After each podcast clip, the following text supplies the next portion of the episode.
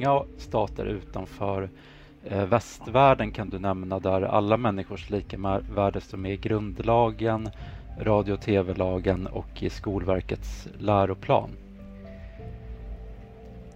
Skriv vad fan du vill, men jag kanske kan, kan skriva ovanligt istället för extremt.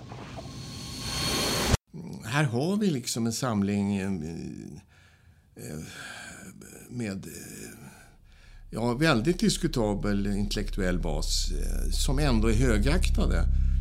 Så att det här är en ganska ja. extrem tolkning, liksom att det ska ha en väl, en massinvandring bara för att det står lika värde. Liksom. Det är en ganska extrem tolkning tycker jag i alla fall. Ja, jag tycker det. Det är vänstern som dominerar våra lärosäten. Det är en vänstervriden miljö och det blir extra tydligt om du som studerar inte håller med om perspektiven som belyser samhället från vänstern, feminism eller globalism. Eller om du som student problematiserar dogmer som allas lika värde. För det är vänsterns perspektiv och vänsterns analyser som gäller. Det är studenter som skriver i linje med vänstern, ja det dras medhårs. Och det som inte skriver i enlighet med vänsterns perspektiv, det kommer också dras mothårs. Det här medför att vi spelar ofta efter olika regler. Och om du vill ha ett bra betyg, eller om du vill ha en karriär inom det akademiska, ja då måste du också passa in i den här miljön. Annars kommer du inte att få tjänsten du söker eller forskningsanslaget som du behöver.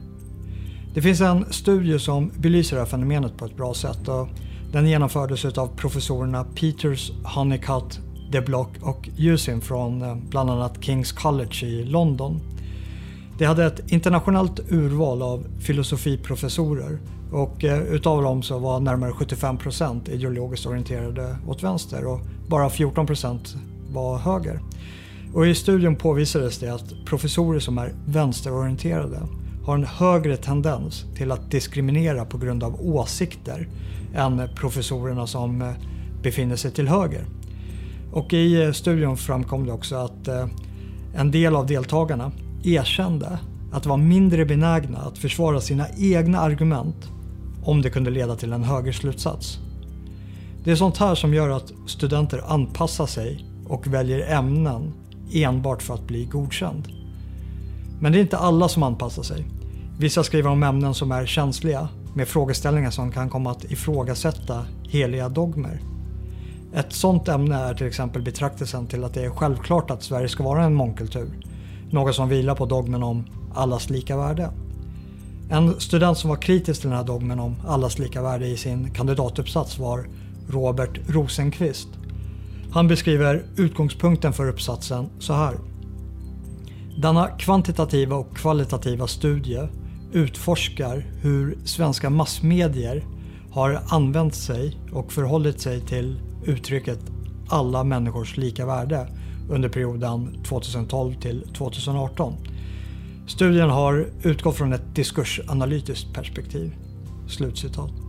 Och skriver man något som går emot vänsterlinjen, ja då kommer du också att behöva försvara dig på ett sätt som man annars inte behöver göra. Här är Robert Rosenqvist i samtal med sin handledare Sven Ross från Stockholms universitet efter ett utkast av sin uppsats. Ja, hej Sven, det var Robert Rosenqvist här. Ja, just det. Eh, har okay. du tid att prata eller? Ja, ja. Jo, jag skulle ställa lite frågor om de här kommentarerna som du hade skrivit. Ja. Och då var det en där, där du tyckte att det var ett lite ensidigt urval i bakgrundsdelen, att det var för många eh, invandringskritiska författare. Ja, det var väl bara invandringskritiska. Eller var det Tullberg och de där andra, det var bara de två. Jo, precis. Men då vill jag fråga dig, menar du att de är invandringskritiska rent allmänt? Eller är de, har de här två varit kritiska till den extrema invandringspolitiken som Sverige har haft i så fall? Alltså jag bedömde bara efter det du skrev. Jag har inte läst deras övriga, men man ser ju... Och, eh, eller ska vi säga Tull, ja, Tullberg, ja, jag kände inte till honom förut men det, så, det såg man ju. För att, Eller vad spelar det för roll? Liksom, ja, ja, rollen det spelar är ju att de är ju bara kritiska till den extrema invandringen som Sverige har haft. De är ju inte kritiska till de normala länderna. De har ju aldrig kritiserat Sydkorea, Mongoliet, Vitryssland. Alltså Sydkorea och Japan är inte, de är inte normala länder. De är ju då det är onormala åt andra hållet om man säger så. Eh, Okej, okay, men... men... Eh, ja, det hörde ganska nyligen ett, ett radioprogram om Japan till exempel. De har ju, som du säger, de har ju extremt liten invandring och det är ju väldigt... Okej, okay, men... Det börjar tydligen bli ett ekonomiskt problem för dem nu för att de har en åldrande befolkning och okay. japanska experter börjar bedöma att, att okej, man kan inte automatisera så mycket som helst. Så de börjar, ja, de börjar tänka att enda lösningen på sikt är att de måste liksom ta in, in yngre invandrare för att kunna rädda ekonomin. Alltså, så att eh, Japan och Sydkorea är inte normala länder. De är åt andra hållet, så att säga, extrema åt andra hållet. Okej, okay. men, men hur många länder utöver Sverige kan du nämna där invandrare har konsumerat ja, 760? har ju alltid varit det. Ja, kan jag få ställa, kan jag få ställa klart min fråga har ju haft inflöde hela tiden. Men uh, kan jag få ställa klart om, frågan? Ja, okay. Min fråga var hur många länder utöver Sverige kan du nämna där 60 procent av det statliga försörjningsstödet har gått till utrikesfödda i så fall? Eh, ja, det, det inte vet jag. Jag har inte forskat på den saken så att säga. Nej, precis. Och jag tror att om du hade funderat lite på det så hade du nog sett att Sverige kanske är ett väldigt extremt land och att många av de här länderna som kanske beskrivs som högerextrema, de ligger nog egentligen i mitten när det kommer till synen på etnicitet och invandring, skulle jag tro. Och då menar du eh, vadå, Polen och Ungern eller vadå, Ryssland eller vadå? Ja, jag uppfattar dem som mittenländer och att Sverige är kanske det mest Men har extrema. du själv gjort någon internationell översikt av det där då? Va, vad sa du? Har du själv gjort någon eh, internationell övers eh, översikt av det där? Eh, nej, De normala alltså... länderna, det är väl kanske snarare, jag gissar jag bara, ja, kanske sådana som Italien, Spanien, jag menar hela Västeuropa, de har ju liksom mycket invandring och sen är det ju invandring av olika slag där liksom i Mellanöstern, där har du mycket arbetskraftsinvandring men det är ju närmast slavarbete nästan eller så det är enorma strömmar lite överallt. Det är olika, fast de har olika karaktär i olika länder och så säga, olika delar av världen. Och, och frågan, frågan är ju om inte den karaktären som det har tagit sig i Sverige är extrem. Där kostnaden kommer upp till 250 miljarder om året. Ja, och, det kan jag och frågan... om det där är korrekt eller inte. Okay. Men äh, fråga, ja visst, du får väl använda det om du vill så att säga. Men du får ja stå för det sen. Ja, det, det är väldigt lätt för mig att eh, om någon ja, skulle ja. opponera mot det så är det väldigt enkelt för mig att, eh, att försvara det. Sen så hade du skrivit Men, också... Ja. Men det där med ensidiga källor då? Du, håller, du tycker inte det? Um, alltså, jag tror att... Du tar, du tar bara upp sådana forskare som eh, ligger i linje med dina åsikter så att säga och det som du vill visa. Det, det är liksom det, är en bristan, det är det som är bristen i det vetenskapliga. Att du, du har liksom bestämt i förväg vad du vill komma fram till och sen tar du bara upp det som passar det så att säga. Okej, okay. för då skulle jag vilja fråga också angående det här med ensidigheten. Ja. Om en vänsterextrem student skriver en uppsats med feministiska ja. teorier om genus och intersektionalitet, ja, måste den studenten då balansera upp den uppsatsen med liberala teorier som utgår från ett marknadsekonomiskt perspektiv och högertraditionalistiska teorier från kanske Mongoliet, eh, arabvärlden? Eller är det okej okay att den studenten bara använder den vänster feministiska teorierna? Uh, ja, det kan det väl vara, men den bör ju ändå ha någon slags kritisk självreflektion i alla fall. Så Okej, men, men är det okej okay att den bara tar eh, författare som är, håller på med feministiska teorier och inga författare som är liksom liberala alltså eller Det här var inte, eh, jag pratar inte om teori, jag pra- pratar om när jag gjorde en empirisk beskrivning av situation. Eh, Okej, du om, menar eh, ja, statistiken som Ja, det, jag tänkte på Tullberg och de här. Ja, ja det, det var en verklighetsbeskrivning som var liksom helt ensidig. Okej, men gör inte många eh, studenter det Gör inte många studenter det när de ska utgå från de här feministiska författarna och när de Ja. vill få det till att patriarkatet är ett problem så har inte de en Ja, ganska ja. ensidig verklighetsbeskrivning då? Ja, det kanske de har, men det är... Så då är det ju så, då, så då är det ju uppenbarligen okej eftersom de studenterna tillåts att göra den så kallade ensidiga. Men Jag kan inte uttala mig om det nu. Jag har inte, Okej, men har om jag, inte alla uppsatser i huvudet. Nej precis, men om jag söker på kandidatuppsatser finns det Ja, inte ja. en risk att jag hittar ganska många sådana uppsatser Ja, som ja. bara har det- tagit feministiska teorier och genusteorier och sånt där. Finns inte det en risk att man hittar sådana då?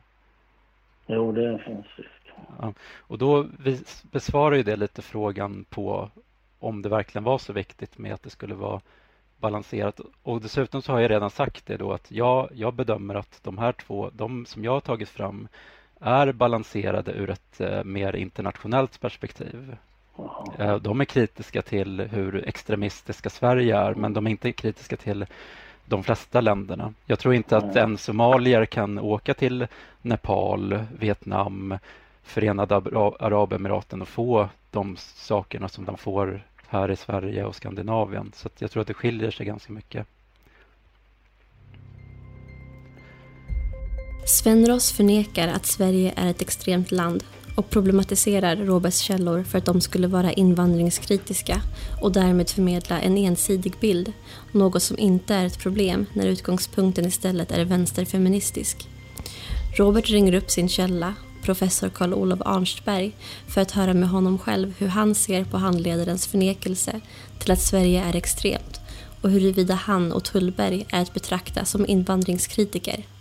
Jag menar det här med, alltså med rasismen eller antirasismen som nästan som en ny form av religion. Det är ju specifikt västerlandet som, som det gäller för. Alltså Indien har ju ett kastsystem och något tydligare system för, för att göra skillnad mellan människor finns inte därför att då föd, där föds man ju in i sin kast. Och kasterna är, är hierarkiskt ordnade så att, eh, att eh, det, du kan inte undslippa det öde du föds till så att säga. Något mer rasistiskt kan man väl nästan inte tänka sig. Mm. Men eh, hela, alltså hela världen är ju, eh, tänker ju rasistiskt. Om du, eh, det är ingen legitimering utan det är bara ett konstaterande av att så funkar det. Och, Då hade jag bara en sista fråga om vi får gå tillbaka lite till den här uppsatsen som jag håller på med. Och där har Ja. jag en överrepresentation av dig och Jan Tullberg i bakgrundsdelen i den empiriska beskrivningen. Och då har jag fått Ja. kritik för att jag har haf- haft en överrepresentation av invandringskritiker.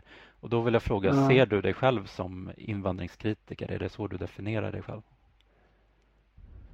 Nej, det skulle jag inte göra. Alltså, alltså invandringskritiker är, är ju för grovt därför att eh, det, det som, är, och det skulle nog gälla, gälla för Janne Tullberg också, att vi är massinvandringskritiker och vi är eh, kritiker av det mångkulturella samhället, att det är inte alls berikande utan det är, så, det är att bryta ner ett samhälle. Men invandringskritiker, det låter som att eh, all form av invandring är felaktig. Det är nog väldigt få som tycker det.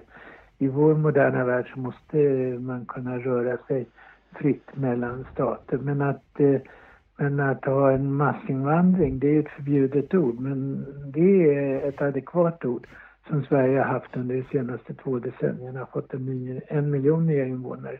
Det är absolut en kritiker. Okej. Okay. Men skulle det till och med kunna vara så att om du och Tullberg var verksamma i länder som Japan, Förenade Arabemiraten, Vitryssland, att ni hade uppfattats som mer vänsterliberala och progressiva än majoriteten i de Ja, länderna? ja, ja, ja, absolut. Absolut, mera än, än eh, vad offentlighet... Nu Vitryssland är lite knepigt därför att det är liksom ett Sovjetvälde som har överlevt. Men, eh, men jag menar eh, väldigt... Eh, alltså hela Sveriges, eh, hela Sveriges politiska fält ligger ju långt mer till, eh, till vänster än kanske något annat land eh, som helhet. Alltså eh, folk som i, som i Sverige kallas för konservativa skulle definitivt ses som liberala i USA till exempel. Jag ringde till Karl-Olof Arnsberg för jag hittade hans nummer på internet och så frågade jag honom om han såg sig själv som en invandringskritiker som du hade stämplat honom som. Och då säger han att han är absolut inte ser som det att han är mer vänsterliberal än majoriteten av mm. jordens befolkning. Och då är det så att um, han har just, i och med att han är professor emeritus i etnologi, så mm. han studerat många andra folkgrupper. Mm. Ja, sen så undrar jag också, när man söker på alla människors lika värde i Stockholms universitetsbibliotek så kommer din bok PK-samhället upp i resultaten. Jaha. Och, ja. Eh, men de senaste tio månaderna som jag har sökt på den så har det stått att exemplaret har saknats av den. Och vad, hur reagerar ja, du på det? Det är ju en kontroversiell bok. Alltså, antingen så, så, och det är ju det konstiga att, eh, att bibliotekarier tillhör de mest censurivriga liksom i, i, utifrån en politisk korrekthet. Så att eh, det är ju en, en av tidens egendomligheter att de som borde slå vakt om, eh, om att också kontroversiell litteratur ska finnas, de är de ivrigaste motståndarna. Så att det kan ju finnas flera skäl till att den saknas. Det intressanta är väl möjligen varför de inte vänder sig till förlaget som råkar vara mitt och, säger, och köper in ett nytt ex. När man ger ut en bok då skickar man ut pliktexemplar som det heter och det skickar man till bland annat till universitetsbiblioteken. Och att ett eh, universitetsbibliotek då mister det exemplaret utan att eh, utan att köpa in ett nytt är ganska anmärkningsvärt egentligen. Mm. Ser du att det kan få konsekvenser för demokratin i Sverige om ett av de största universitetsbiblioteken inte har den här typen av litteratur tillgänglig för studenterna? Ja, absolut är det ju. Är det ju alltså vi, jag vet inte vad du har för grunduppfattning men, men vi lever ju i en hårt censurerande tid och jag menar just nu så så pågår ju en rörelse som vill välta eh, statyer, som vill ta bort filmer som är äldre med ett rasistiskt innehåll och så vidare. Vi, vi lever ju liksom i en tid där, där eh, ingen annan än etablissemangets röster egentligen får höra. Så i grunden är det, ett, eh, det är en totalitär process, fast det är inte så många som tycks förstå det. Universiteten vill inte att studenterna ska ha tillgång till de här perspektiven. Det är en tyst censurering med gallring av kurslitteratur och en illa dold rensning av böcker inom universitetsbiblioteken. Allt för att bara etablissemangets röst ska höras. Vi går tillbaka till handledaren där Robert återigen måste försvara betraktelsen till att Sverige skulle vara ett extremt land. I enlighet med varje stats organisation och resurser. Då. Det ordagrant från artikel 25-22. Ja, och det är ju väldigt få stater som uppfyller det om du tittar på Förenade Arabemiraten, Qatar ja. till exempel. Eh, det är väldigt svårt att bli medborgare där om du kommer från ja, Somalia till exempel. Jo, de, Utan de, de satsar ju på ett, ett ordentligt bistånd istället. Så att eh, det här är en ganska ja. extrem tolkning, liksom att det ska ha en, eh, en massinvandring bara för att det står lika värde. Liksom. Det är en ganska extrem tolkning tycker jag i alla fall. Ja, vad tycker du? Och majoriteten av... Ja, fast om du tittar på majoritet... 200 stater finns det i världen. Mm. Hur många av dem kan du nämna som där invandrare konsumerar 760 procent mer i socialbidrag än den inhemska befolkningen? I Sverige konsumerar utrikesfödda 60 procent av det statliga försörjningsstödet. Det kan du inte hitta i speciellt många andra länder Nej, i världen. De kanske inte har någon försörjningsstöd alls. Ja, du tar ju upp det på ett väldigt så ensidigt sätt. Det Vad menar du med det då? Ja, du tar upp bara Tullberg och Arnsberg. Sen klipper in lite Strömbäck lite korta. Men du, liksom, du börjar med Tullberg utan att förklara liksom, vad han bygger på. Då. Eh, Tullberg och Arnsberg. Och sen, ja, som jag skriver också, det smugglar in han som gör rot där som har en helt annan syn då. Och så verkar det som att han, ja det framgår inte alls att han har en, en helt annan perspektiv på det hela. Jag tar upp det där så att säga. Men jag har också en fråga där lite om bakgrundsdelen. Ja. Eh, är det viktigt att man har en balanserad eh, teoretisk beskrivning som ger plats åt alla olika perspektiven? Eller kan Inte man ha... alla, men det, det drar ju ner intrycket betydligt. Alltså, om, om du har så här ensidigt. För det, så, ja, men det, du får ta den risken själv. Okej, okay, för att jag tänkte lite på att det finns ett ganska stort antal uppsatser som går att hitta som är publicerade på DIVA-portalen eh, som är utgår från ett feministiskt perspektiv. Mm. De har ju bara feministiska teorier. De har ju inte mm. så mycket högertraditionalistiska eller libertarianska teorier från, mm. och sådär. Hur kan de då ha blivit godkända och publicerade? Är det elever som bara har struntat jag säger, i kritik? Jag säger inte att det kommer bli underkänd, det får vi se. Så att säga. Men, eh, okay. men, men, men, kan... men fokusera på din egen uppsats. Jo, fast men, varför, varför de här andra uppsatserna är viktiga är att de här principerna som gäller för vetenskapen, mm. de måste ju vara konsekventa. Mm. Om de inte är konsekventa, då är det ingen vetenskap. Och Det är därför det här är väldigt viktigt. Alltså vetenskap ser ju olika ut. Alltså. Mm. Okej, så att ibland så är det okej att ha ensidig empirisk eller ensidig teoretisk beskrivning och ibland så måste man in, kan man inte ha det menar du eller? eller vadå? Nej, jag menar rent allmänt. Jag tycker att man alltid bör ha det, men sen, jag är inte inblandad i alla uppsatser. Jo, fast ni som jobbar med det här, mm. ni måste ju på något sätt hitta en standard som ni kan vara konsekventa med. För annars blir det ju att om man får en lärare, ja då gäller en, mm. en kutym eller en praxis och sen får en annan lärare, om det ska avgöra vad det är som gäller, då har vi ett problem tror jag. Ja. Och då kan man fråga också om det verkligen är så himla vetenskapligt det här eh, medievetenskapen, om det skiftar så mycket liksom, från uppsats ja. till uppsats.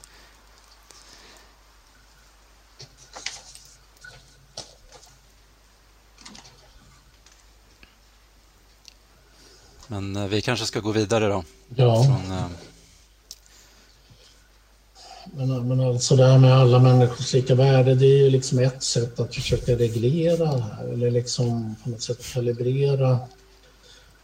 Men ibland skriver du och kommer in på det här, det är ju sig en intressant fråga om det är deskriptiv eller normativ princip. Och det är väl klart att det inte är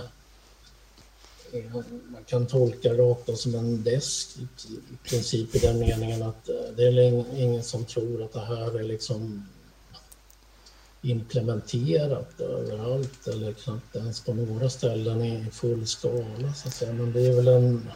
Fast det är många människor som tror det i Sverige. Kanske framförallt unga känslostyrda människor säger de här människorna har rätt och det här är rätt och så vidare. När det i själva verket, när man granskar det ser man ju att det är ju bara en, eh, någonting som människor tycker att det borde vara på ett sätt med mänskliga rättigheter. Alltså det är ju en norm och det är väl det som är poängen. Det är väl det som forskaren där påpekat att den har ju den här principen om alla människors eh, lika värde och rättigheter, att det ändå haft en viktig praktisk funktion då för att eh, kunna motverka olika typer av förtryck och diskriminering. Så att, så att eh, man får rimligare tycker jag se det som en norm, en princip. Den är kanske utopisk. Kanske aldrig kommer eh, uppfyllas i sin eh, fullt ut eller kanske ens halvt. Men det kan vara ett eh, kanske ett bra rättesnöre för ett mer humant samhälle. Så att säga. Rosenqvist har en spännande approach och den består egentligen i att han använder en stil som eh, man ofta förknippar med eh, normkritik. Och det är helt enkelt att man angriper en idé med eh, relativistiska argument. Och då blir ju ofta argumentationen lite svagare och lite situationsbunden och lite haltande. Och, så det är ett ganska effektivt sätt att angripa någon. Och då gör han det här med ett, ett diskursperspektiv där han ställer sig frågan inte vad det är för någonting egentligen utan snarare vad, hur eh, det här uppfattas som. Och eh, då blir det lite skrangligt för att det uppfattas ju på olika sätt på olika sätt. Och sen används det på ytterligare sätt än det som egentligen är etablerat. Så att det, det blir liksom en väldigt eh, skakigt resultat som kommer fram utan normkritiken. Och det tror jag är väldigt, väldigt bra attack Eh, för att förbereda liksom en en reflektion om någonting som är så omhuldat och heligförklarat som alla människors lika värde. Som eh, folk instämmer i utan att tänka efter för att eh, det är så alla människor säger. Men det är faktiskt inte så att människor tror det här på riktigt. Utan det här är liksom en konversationsgemenskap som säger så här. Och alla människors lika värde har ju en jättestor plats i den svenska debatten. I tid och otid kommer man in på den här tesen som man kan kalla det. Och eh, den får aldrig egentligen ett, ett riktigt so sofistikerat eller tänkbart eh, försvar egentligen. Och eh, i den här diskussionen som förs så, så framkommer ju indirekt i samtalet med handledare och annat eh, hur man egentligen ska uppfatta det här. Eh, och då finns ju flera idéer och en är ju då att det är så att eh, det här är en vision att människor ska ha samma värde. Men då måste man fråga sig, är det verkligen en vision? Och i så fall, ja, vilka då? Och att FN har det här i sin deklaration om mänskliga rättigheter. Det betyder ju inte att det är en allmänmänsklig vision, utan då får man nog gå till religionerna. Och religionerna är ju inte alls för den här visionen utan de säger ju att eh, skillnaden mellan gott och ont är ju framför allt vem som lever efter Guds bud och vem som inte gör det. Och här är alla religioner, alla religioner har ju den principen. Och vi har fortfarande en religiös värld. Så att normativt som vision så finns ju ingen grund för den här tankegången. Eh, deskriptivt då att eh, människor är lika. Men eh, det är ju ingen som tror på det heller. utan alltså Man börjar ju inte en process om en människa ska dömas för mord eller inte mord med att säga att vare sig han är en mördare eller inte en, en mördare så, så är han lika bra för det. Utan alla sätter att det är en väldigt stor skillnad mellan en en person som är en mördare och en person som bara är anklagad orättfärdigt för ett mord. Så att det här, var, var kommer lika värdet in någonstans? Ehm, det, det är mer en typ av eh, slött godhetsprat när man pratar om alla människors lika värde. Det är liksom lite jantelag att ingen ska tro att han är mer värd än vad jag är. Så att liksom hur man än mäter människovärdet så den håller inte som norm. Den håller inte som deskriptiv bild av hur människor tänker och tycker. Och det gäller varken religiösa människor i den världen utanför Sverige och sekulariserade människor i Sverige. Så att eh, Frågan är egentligen vem det är som tror på den här satsen. I stort sett endast de som kallpratar och tycker att det här är en eh, en trivs, det låter trivsamt när någon säger något. Det låter just att eh, ingen är för mer än någon annan. Men eh, det är inte så som någon människa egentligen anser. Sen, ja, det här om Utbildningsradion då.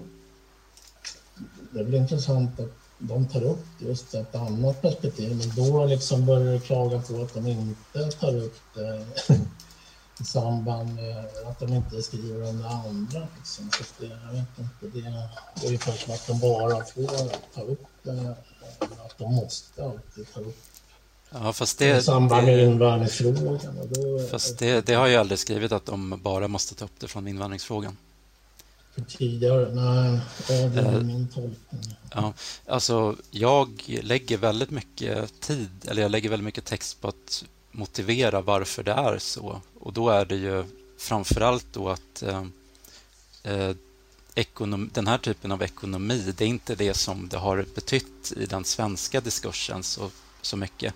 Om jag säger att den här personen ställer inte upp på alla människors lika värde, då är det osannolikt att du associerar det till en person som har åsikter om inköpandet av läkemedel. Då tänker du kanske på en person som är eh, Eh, nazist eller eh, någonting liknande som är emot hbtq-människor. Du tänker förmodligen inte på just den här specifika ekonomiska frågan.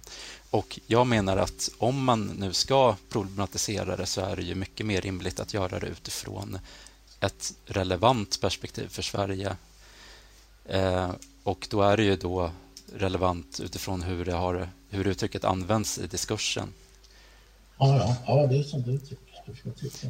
Ja, fast eh, när man tittar på den, resultatet av den kvantitativa analysen så är det mm. inte så mycket ekonomi det handlar om, va? eller? Nej. Nej. Så då är det inte bara att jag tycker det, utan då är det ju det som jag kommer ja, fram till. Du tycker att, eh, liksom att, ja, att, eh, Okej, men... Att man men, inte ska ta upp andra frågor. Nej, nej, det har jag inte sagt, men eh, om man nu tar, om man nu gör ett program som ska problematisera det här, då... Ja, då ska de vinkla det på det sättet som du vill, inte som de vill. Nej, utan jag säger att de ska vara konsekventa därför att när de har tagit avstånd från människor med hänsyn till den så kallade demokratiparagrafen då har ju det handlat om etnicitet. Då har det inte handlat om att den här personen vill inte att vi ska köpa in läkemedel så nu tar vi på Sveriges Radio eller SVT avstånd från den personen. Det har handlat om eh, nationalitet och etnicitet. Och därför säger jag att jag skriver det också ja, väldigt tydligt. Okay, men det är inget de, vi diskuterar där. Vi har olika åsikter.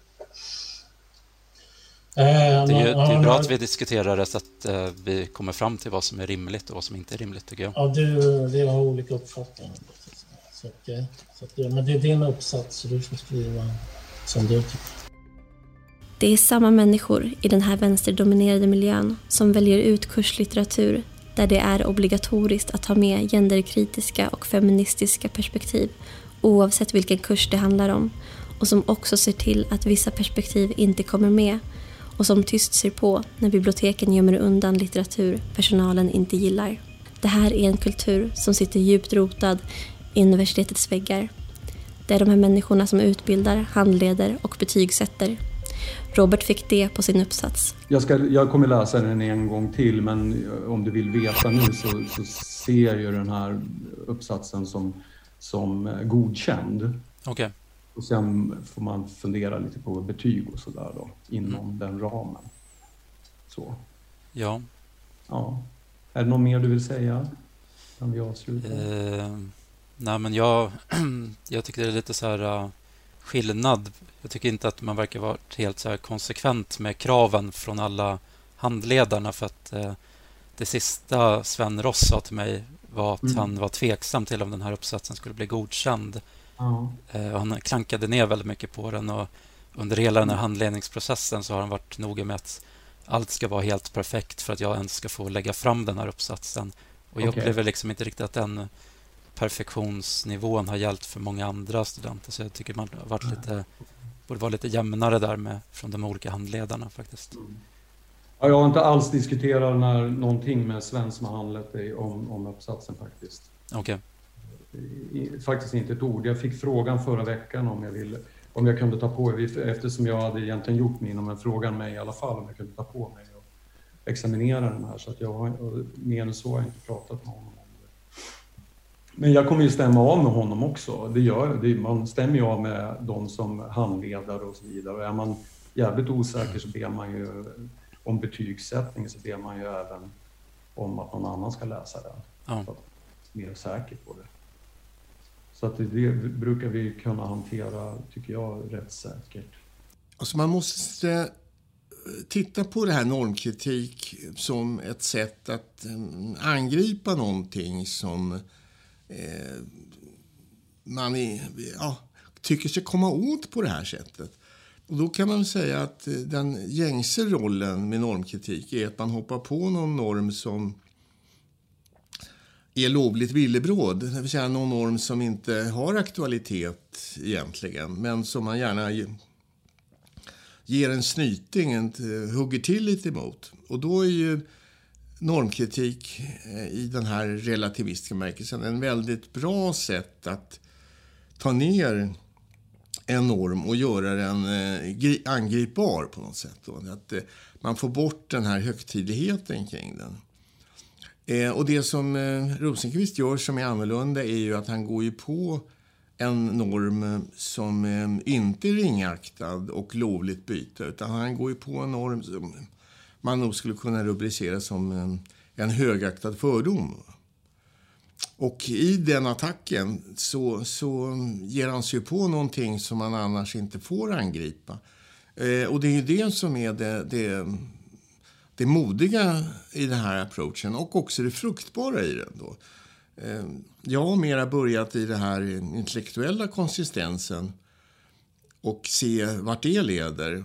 Men eh, Rosenqvist börjar i andra ändan. Han frågar så här att eh, i vilket sammanhang används eh, alla människors lika värde och vad är det för frågor man kopplar till den? Så att det blir mera liksom en sociologisk undersökning. Att, eh, I vilka diskurser är det betydelsefulla personer som använder den här normen? Och då får han ju faktiskt en, ett, ett, ett, en annan angreppsyta på den här fördomen, så att säga. Än, än man får utifrån ett, eh, ett annat perspektiv, som, som mitt perspektiv, där man mer tar det som en, en seriös teori. Medan eh, Rosenqvist ser det här som ett socialt beteende då, som många människor tycker är användbart eh, för just dem i den diskussionen. Så att det blir en väldigt eh, relativistisk syn som eh, är ett annat sätt att ta ner den här fördomen. Så att eh, jag tycker det är väldigt förtjänstfullt och, och spännande. Och speciellt då när man rör sig, han håller på med, med massmedia. Och, det är väl urtypen för ett sånt fält där man kan säga att den intellektuella vakenheten är inte så stor, men, men däremot konformismen är väldigt stark. Så att det här är liksom en, en omskakande och nyttig eh, tankeställare som han ger. Och, och, det tycker jag också att eh, framkommer av debatten. att eh, eh, De professorer och andra som kommenterar har ju liksom rätt svårt att, att egentligen angripa det här utan eh, hävdar att de har en annan bild. Men, men det har de ju inte. utan Deras bild är just den här relativistiska bilden som han ger sig på. Men han, han angriper den för att just vara en en, en, en sociologisk bild som människor i, i det här fältet eh, väldigt ofta bekänner sig till. Alla samhällen har ju liksom vissa normer och eh, bryter man de normerna så, så eh, möter man ju på patrull. Och då kan man säga att bryta mot normer som eh, är allomfattande eh, kan man ju se som modigt och framåt, och, och, eh, men kanske inte all, alltid positivt. Men om man, säger, om man angriper normer som mera är att se som eh, hyckleri, som någon sorts eh, offentligt påstående som folk säger att de har, men som de inte har egentligen.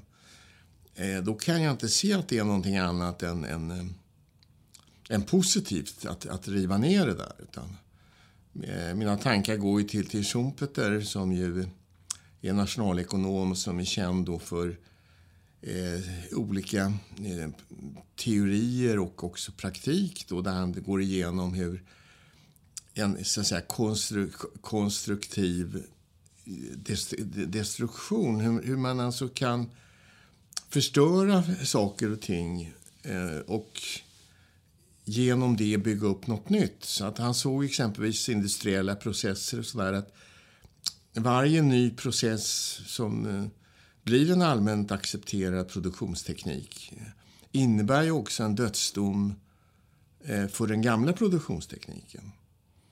Så att man river, men man river för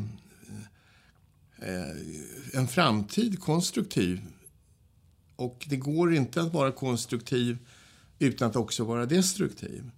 Och det är väl i det paradigmet som jag ser hon, då Rosenqvists agerande att eh, här har vi liksom en samling eh, eh, med ja, väldigt diskutabel intellektuell bas som ändå är högaktade.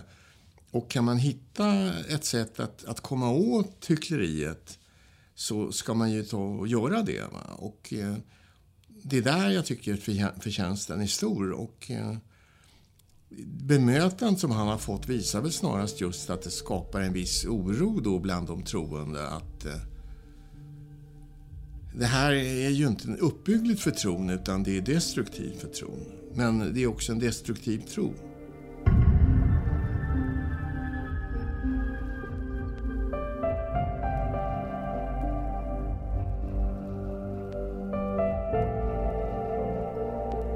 Palestra Media är en donationsbaserad kanal.